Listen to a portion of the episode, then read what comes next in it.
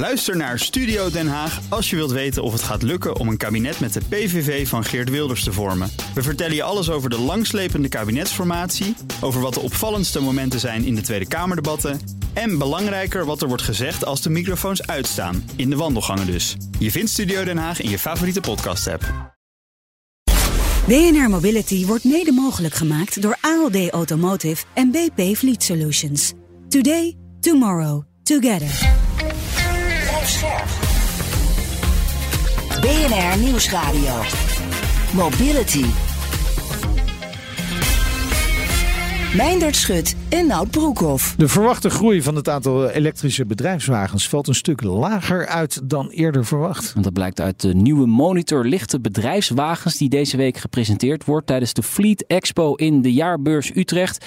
Ja, we geven zo alvast een voorproefje, weet je al iets meer, maar je kunt natuurlijk ook naar de expo toe. Ja, maar eerst de rijvereniging is niet te spreken over de greep die de politiek doet in het Nationaal Groeifonds. Ja, 1,2 miljard euro uit het fonds wordt eh, gebruikt om de accijnsverhoging van 21 cent op eh, brandstof per 1 januari terug te draaien. En daar is de rijvereniging niet zo blij mee. Nee, op zich een populaire maatregel voor veel automobilisten. Maar uh, Frits van Brugge, voorzitter van de rijvereniging, uh, welkom in de uitzending. Dank je. Ja, je bent dus uh, niet tegen het terugdraaien van de accijnsverhoging op zich. Maar het wordt op de verkeerde manier bekostigd. Begrijp ik het goed? Dat klopt. het gaat eigenlijk hier over de Nederlandse mobiliteitsindustrie. die vertegenwoordig ik. En, en wat nou het groot succes van die industrie is, is onze innovatie. En die innovatie die wordt betaald uit dat groeifonds, daar komen subsidies uit. Dus de zorg die wij hebben, als je, uh, is dat uh, die subsidiestroom uh, stopt. En dat zie je ook in de verkiezingsprogramma's. Is dat de meeste partijen ervoor kiezen om dat überhaupt dat groeifonds te beëindigen. En waarom doen ze dat? dat weet ik niet. Dat moet je aan die partijen vragen. Wat wij in ieder geval zeggen is: kijk, wat, wat de essentie van het succes van die Nederlandse innovatie is die hele belangrijke samenwerking tussen de industrie, dus die, die honderden uh, mobiliteitsbedrijven, de kennisinstituten, onze universiteiten. Ik was gisteren op de, in Helmond, de, waar we een prachtige autocampus hebben. En de, het derde is natuurlijk hier van groot belang, is de overheid zelf. Ja. Of het nou een ministerie is, of en die samenwerking en die subsidiestroom die daarbij hoort, ja. is heel erg belangrijk. Maar, maar kunnen die bedrijven in die automotive sector niet innoveren zonder dat groeifonds? Ja, dat is dus een groot probleem. Die beginfase van innovatie, daar is uh, dus echt subsidie van de overheid bij nodig. Ja, dat, kan ook, dat, hoeft, dat kan het Rijk zijn, dat kan de provincie zijn, soms doet de gemeente, gemeente Eindhoven is heel actief. Maar zonder die subsidiestroom werkt dat niet, nee. En daar zit dus een heel groeimodel achter. Vergis je niet, Eindhoven vind ik een heel mooi voorbeeld, die hele regio waar dat zo gegaan is. Ondertussen praten we over een industrie waar 30 miljard uh, omzet in zit en tussen de 50 en 100.000 banen. Maar net hoe je het uitrekent. Maar dus we hebben het echt ja, zo. Maar, maar kun je concrete voorbeelden geven waar dat geld dan voor wordt gebruikt, bijvoorbeeld? Ja, heel, dat, bijvoorbeeld, kijk, die rode kruis hè, op de weg die je ziet. Ja. Er wordt nu uh, aan innovatie gewerkt, is, uh, waarbij uh, als dus een automobilist toch doorrijdt hè, langs die rode kruisen, dat er in feite eerst een waarschuwing komt naar die automobilist, hè, dus nieuwe softwareontwikkeling. En je kunt zelfs zover gaan door te zeggen dat die auto gewoon stopt. Dat soort softwareontwikkelingen zijn heel erg belangrijk. Ja, we weten het ook. We hadden de primeur van, van dit verhaal in de uitzending een paar weken geleden. Ja, en bijvoorbeeld tweede is uh, batterijtechnologie. Je ziet uh, de Amerikanen die trekken alle accufabrieken naar zich toe. Maar Nederland heeft uh, veel ervaring en kennis op het gebied van accu-batterijtechnologie. En dan moet je denken dat vooral voor vrachtauto's en bussen. Die technologie wordt in Nederland ontwikkeld. Vanuit de industrie is ook een Battery Competence Center neergezet in goed Nederlands. Maar dat is dus ook nodig, maar daar, daar is ook dus subsidie bij nodig. En dat komt tot nu toe uit dat groeifonds. Ja. En er wordt in het partijprogramma staat ook dat, we dan, dat het naar regionale fondsen moet. Maar uh, onze zorg is dus uh, dat, dat die subsidiestroom opdroogt. En dat is dus niet goed. Niet goed voor, voor het uh, succes van onze innovatie. Nee, dat begrijp ik. En ook een goed pleidooi, denk ik. Maar ja, als burger uh, vind ik het wel fijn dat die accijns op brandstof uh, natuurlijk niet omhoog gaat per 1 januari. En, en waar dat geld vandaan komt, ja, dat, dat maakt mij eigenlijk niet uh, zo heel veel uit. Nee, maar dat is duidelijk. Hè. Ik bedoel, de Rijvereniging is natuurlijk voor dat die accijnsverhoging niet doorgaat. Laten we daar even geen misverstand over hebben. Dat is gewoon zo. Alleen we zeggen nadrukkelijk dat mag niet ten koste gaan van de innovatiekracht van onze mobiliteitsindustrie. Ja, maar dan moet je het geld ergens anders vandaan halen. Eerlijk gezegd, hè, laten we heren, dat weten jullie. We betalen als automobilisten al tussen de 19 en 20 miljoen euro aan belastingen, autobelastingen. En daarvan gaat maar een derde van, uh, van uh, terug naar, de, naar zeg maar de mobiliteit in de breedste zin. Dus ik zou zeggen, 19, miljoen, 19 miljard min 6 miljard is uh, volgens mij 13 miljard. Dan zou ik zeggen, dan maken we daar 12 miljard van en 1 miljard voor de accijnsverhoging die niet doorgaat. Ja. Niet zo moeilijk, hè? Nee, nee en, dus, okay. dus daar moet het geld dan vandaan uh, ja. komen. Maar wat zijn namelijk Bijvoorbeeld. Uh, wat zijn de, de, echt de gevolgen voor het Nederlands bedrijfsleven als dat groeifonds inderdaad hiervoor voor dit soort zaken gebruikt gaat worden? Wat, wat betekent dat dan concreet? Ja, dat ze niet meer kunnen innoveren, maar wat betekent dat voor de verdienkracht? Ja, maar ja. we keken dus concreet dat hè, in het. Van, je ziet het dus heel sterk bijvoorbeeld bij, de, bij die, die uh, autocampus in Helmond. Een mooi voorbeeld is de high-tech in Eindhoven. Dat is echt ontstaan door de samenwerking tussen bedrijfsleven, kennisinstituten en overheid. En overheid draagt met name dan dus uh, de financiële steun bij bij de start. En, um, en dat soort uh, ontwikkelingen, daar moeten we gewoon mee doorgaan. Dat doet het buitenland overigens ook. Hè. Mm -hmm. Enorme. Uh, en dat is in feite een stukje industriepolitiek. Hè. Wij willen als Nederland investeren in onze maakindustrie. En daar is de mobiliteitsindustrie een onderdeel van.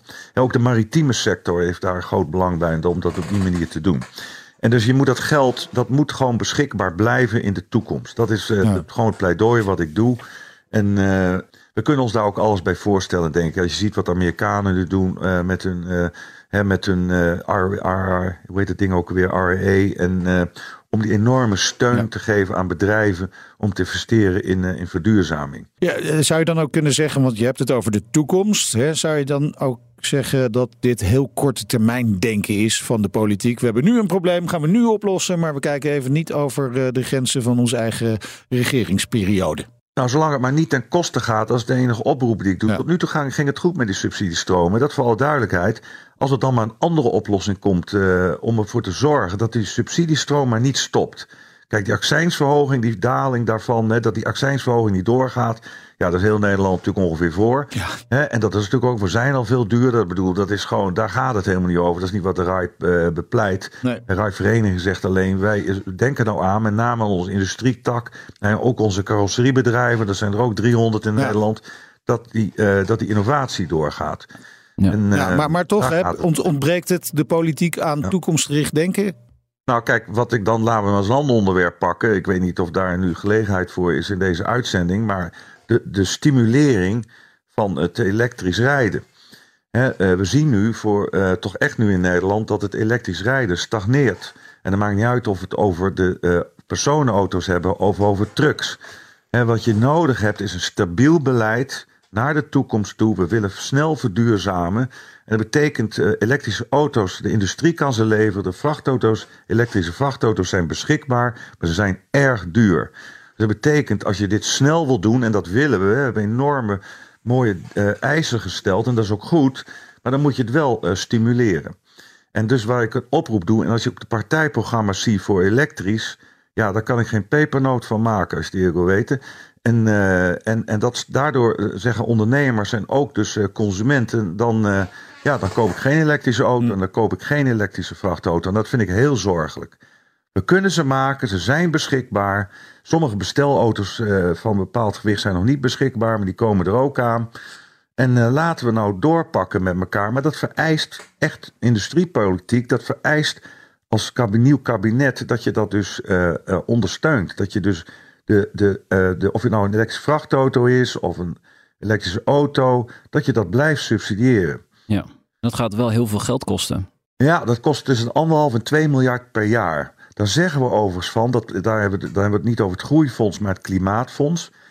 Uh, wat, we, uh, wat veel Nederlanders niet weten, is dat de CO2-uitstoot van het Nederlandse verkeer al behoorlijk gedaald is. Terwijl het verkeer enorm toeneemt, dat kunnen we elke dag wel weer vaststellen. Ja. Maar is dus, dat is dus al een enorme vermindering van CO2-uitstoot. Dat wil eigenlijk in datzelfde tempo doorgaan en dat kan alleen met elektrificatie.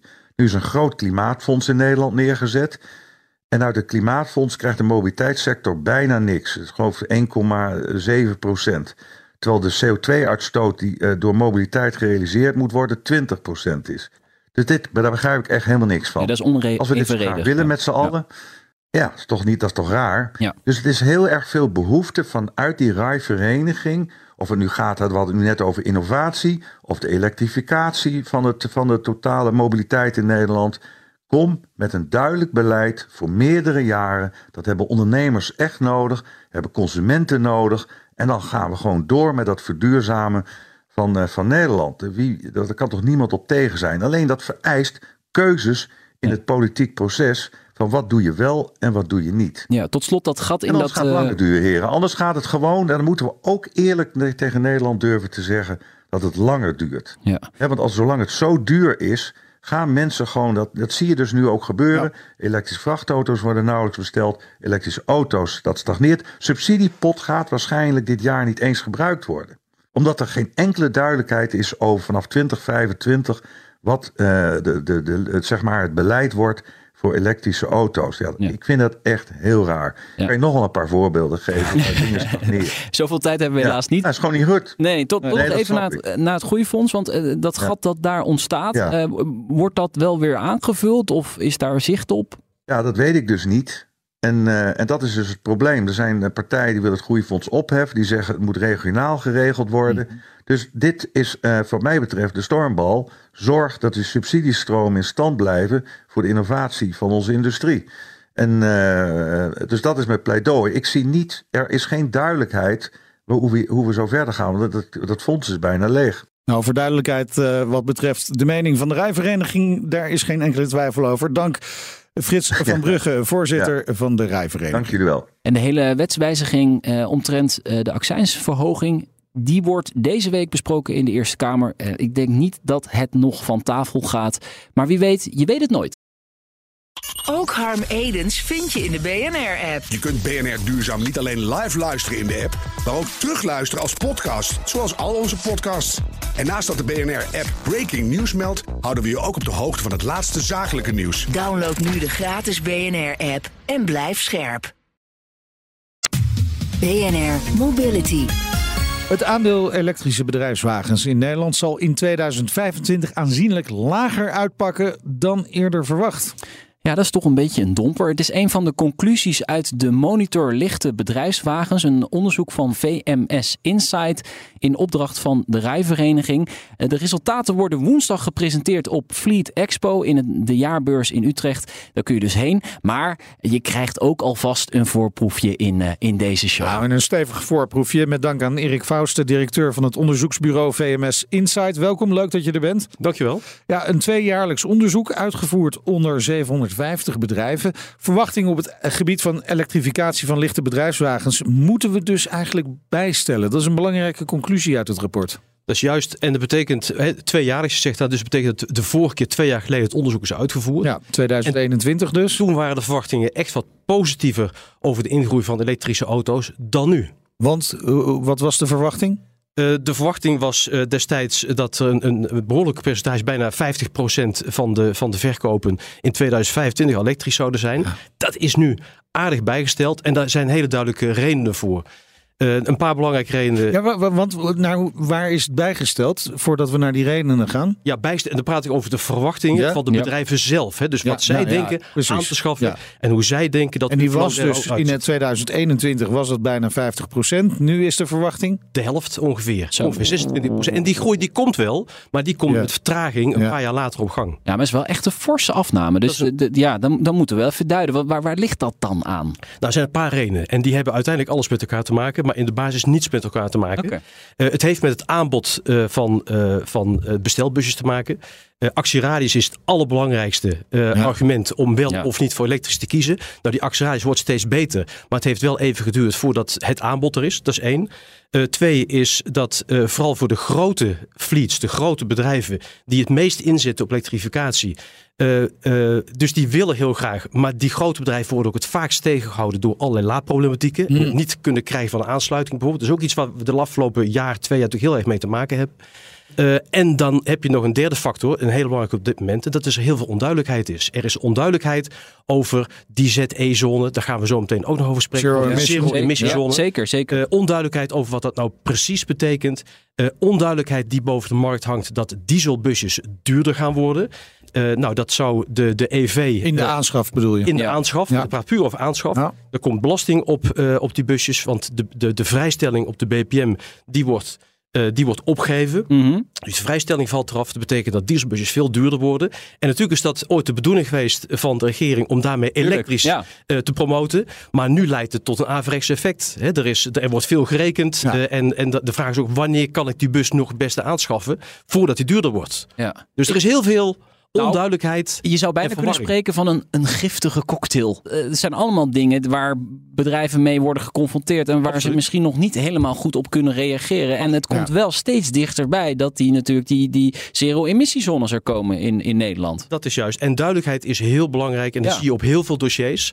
Eh, nou, pas een paar weken geleden is duidelijk geworden dat de vrijstelling om met een BE-rijbewijs, en je mag tot 3,5 ton GVW, eh, dus bestelbus tot 3,5 ton, mag je normaal gesproken in een, in een, met, een, met een klein rijbewijs Ja, rijden. met het gewone rijbewijs dat wij allemaal hebben. Wat je B- voor je persoonauto hebt, dan mag je ook in een busje rijden. Maar een, een, een elektrische auto is uiteraard veel zwaarder. Dus daar is het GVW, eh, het, het, het, het maximaal eh, te beladen gewicht, inclusief de auto, het gewicht van de auto, is gesteld op 4200 kilogram. Die regel zo aflopen. En dat betekent dat er tot twee weken geleden heel veel onduidelijkheid was bij Vliets. We hebben wel geïnvesteerd, maar mogen we mensen nog met die auto rijden? Ja. Nou, dat is er niet meer. Kortom, partijen zijn, weten gewoon niet waar ze aan toe zijn. Maar je zou kunnen zeggen, ja, als je echt wil vergroenen, dan ga je er gewoon voor. Ja, En, En dat gebeurt willen dan. ze dat dus Nee, niet. nee, dat gebeurt wel, alleen wel met die vertraging. Hè. Er zijn vooral die grote, de, de, de, de, de, de sterkste vergroeningsslag en ook de wil vanuit duurzaamheidsoogpunt, maar ook omdat je klanten het willen. Hè. Klanten dwingen het ook heel vaak af. Ja. Die grote vlies zijn er echt mee bezig, maar die worden geconfronteerd met de problematieken zoals het niet kunnen krijgen van, van laadmogelijkheden voor bedrijf,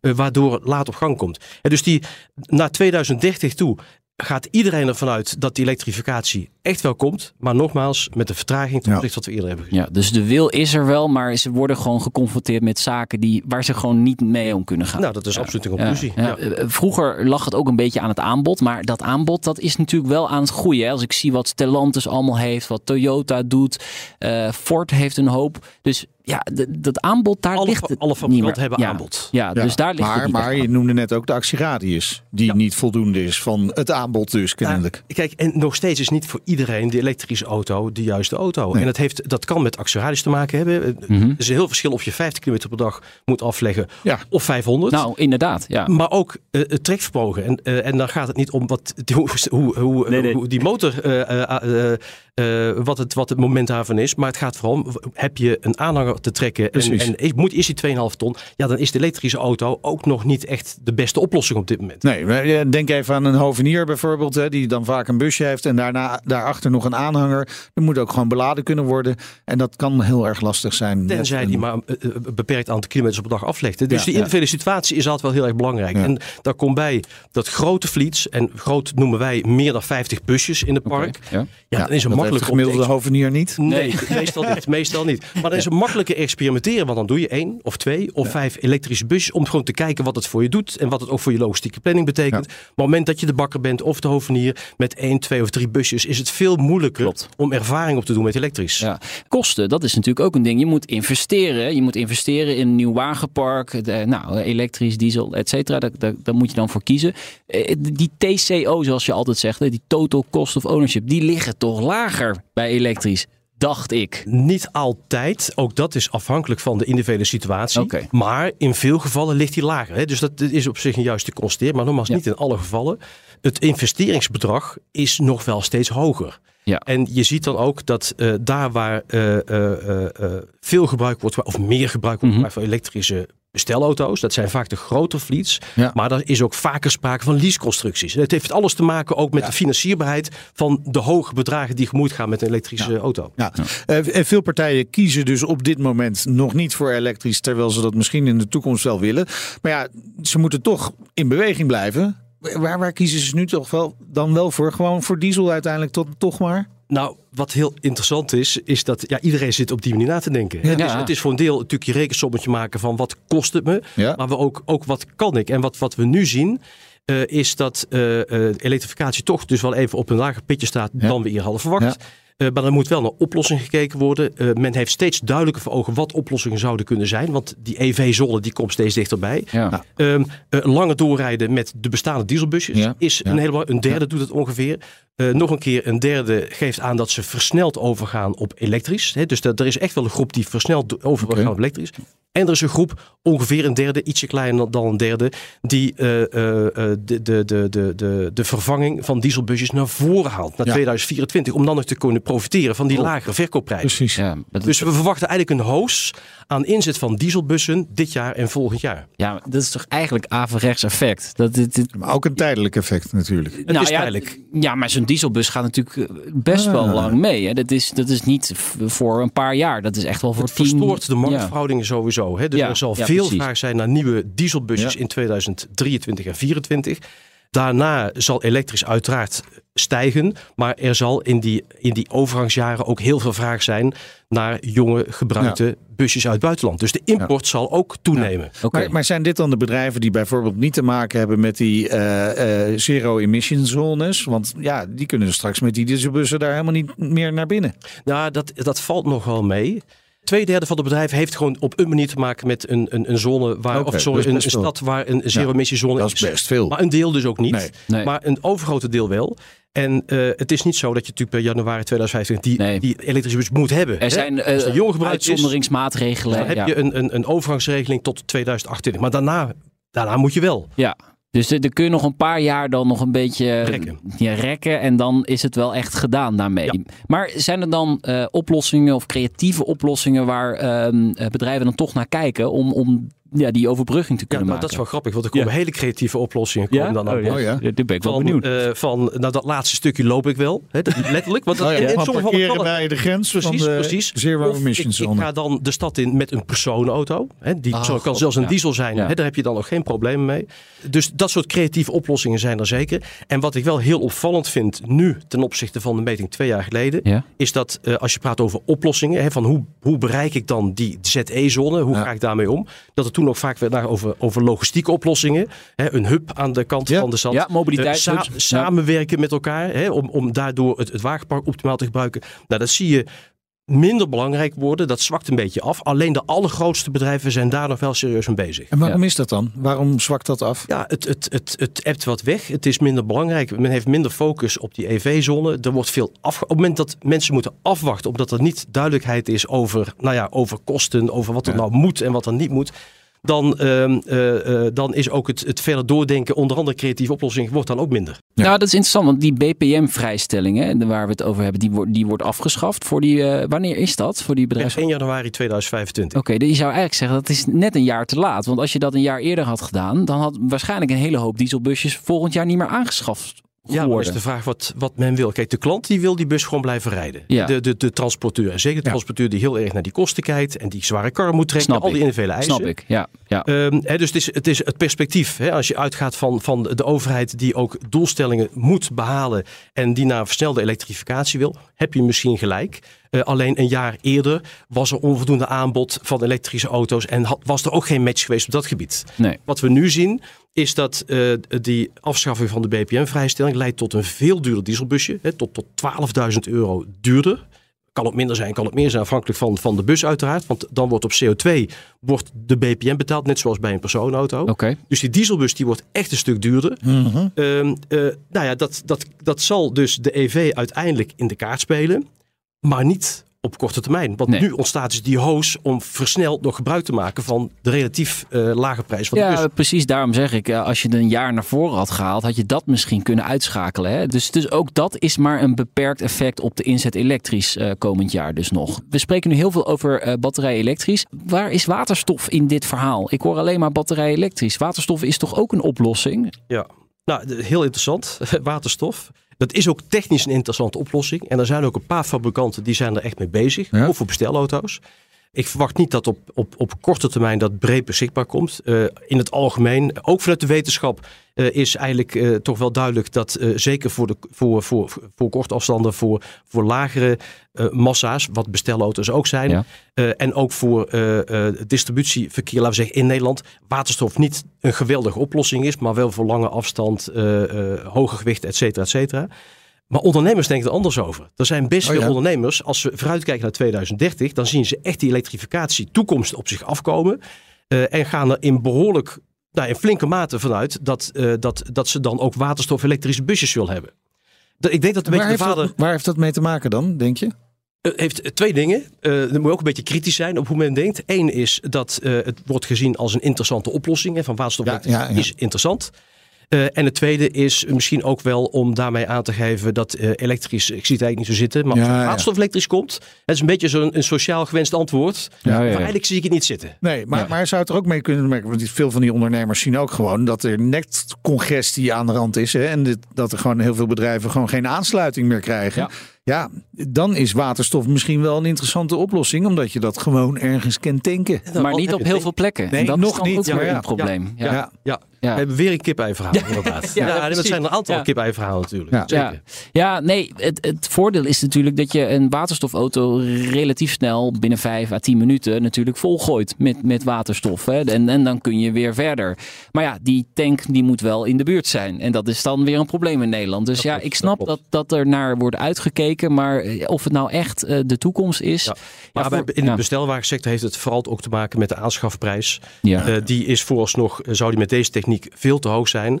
Eh, maar ook met eh, de kinderziektes die er nog zijn. En natuurlijk op het moment dat er sprake is van veel volume, dan gaan die kinderziektes Ja. ook vanzelf uit. Ja. Ja. Maar, maar, maar, maar stilstand kan gewoon niet gebeuren. Nee. Hè? Op het moment dat eh, iemand pakketjes moet bezorgen, de auto moet het altijd doen. Er moet brood op de plank. Ja. Absoluut. Ja, ja, nee, dat begrijp ik. Nee, dus er, er is een aantal partijen natuurlijk groot mee bezig. Eh, Stellantis komt met eh, waterstofvoertuigen. Eh, Renault is er eh, mee bezig.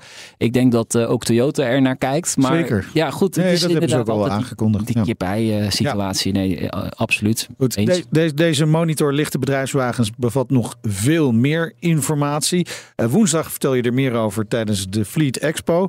Eh, heb je nu alvast wel een boodschap voor de ondernemers? Want het zijn nogal wat vragen die ze op zich af zien eh, komen.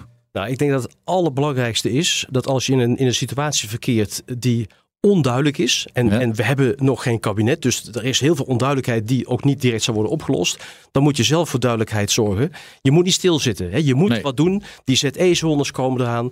Eh, het betekent dat je voor jezelf goed in kaart moet brengen eh, hoe jouw bewegingen eruit zien. eh, hoe, hoe je, en wat je klant van je verwacht. Want je, want je zult de dingen moeten doen. Want als Ja. jij voor elektrisch gaat, dat is prima. Dat kan nu ook. Dat kan ook over één of twee of over drie jaar. Maar als je wel voor diesel wil kiezen en die nieuwe dieselbus, dan moet je ook nu voor een rij staan. Want het Ja. wordt heel druk. Ja, oké. Ja, dealers en ja, importeurs ja, de komende ja. anderhalf jaar. Om op tijd te Om krijgen. tijd, om Ja, überhaupt- ja, om het überhaupt te krijgen, ja. Maar je neemt ook een risico. Want je moet ook vergroenen uiteindelijk. Hè. Het wordt echt wel opgelegd. Klopt, maar het is, je praat ook, het gaat niet om, om, om de slager of de bakker met één auto. Hè. Dat Nee. zijn er heel veel ondernemers die dat ook hebben. Maar het Ja. gaat ook om grotere fleets. En op het moment dat je 50 auto's of 500 auto's in je vloot hebt, dan moet je ook keuzes maken. En dan is het nooit kiezen voor de ene aandrijfsoort of de andere. Hè. Dus Ja. daar zul je gewoon een goede Een balans eh, vinden Maar ben Ja. je met, als je met dat soort aantallen rekent, dan ben je toch al wel aan de late kant. Al, hè? Het is al eind 2023 zitten we nu. We gaan richting Ja. 4, 25. Ja, Ja, maar er zijn geen grote fleets van die 50 of die 500 die niet al geëxperimenteerd hebben met nee. een aantal elektrische auto's. die weten waar ze het Absoluut, over hebben. Oké, oké. Ja, en ze hoeven natuurlijk ook niet allemaal in één keer Nee. om. Nee, Dat gaat nee, geleidelijk. het is en en. Het is niet of-of in één keer. Nee, precies. Dank Erik Fausten, directeur van onderzoeksbureau VMS Insight. En de onderzoeksresultaten worden dus aanstaande woensdag besproken op de Fleet Expo in de jaarbeurs Utrecht. Kun je uiteraard bij zijn. Een linkje vind je ook via onze website bnr.nl slash mobility. Dit was BNR Mobility. Terugluisteren kan via onze website, maar ook via onze app of een podcastplatform naar keuze. Ook je- in de bestelbus trouwens. Absoluut. Eh, vergeet je vooral niet te abonneren. Heb je nieuws of andere verhalen voor ons, dan mail je natuurlijk altijd naar mobility.bnr.nl. Ik ben Meijnerd Schut. Ik ben Nout Broekhoff. Tot volgende week en dan uiteraard aandacht voor De verkiezingen. Ja. we hebben nu al een paar thema's eh, aange- aangestipt.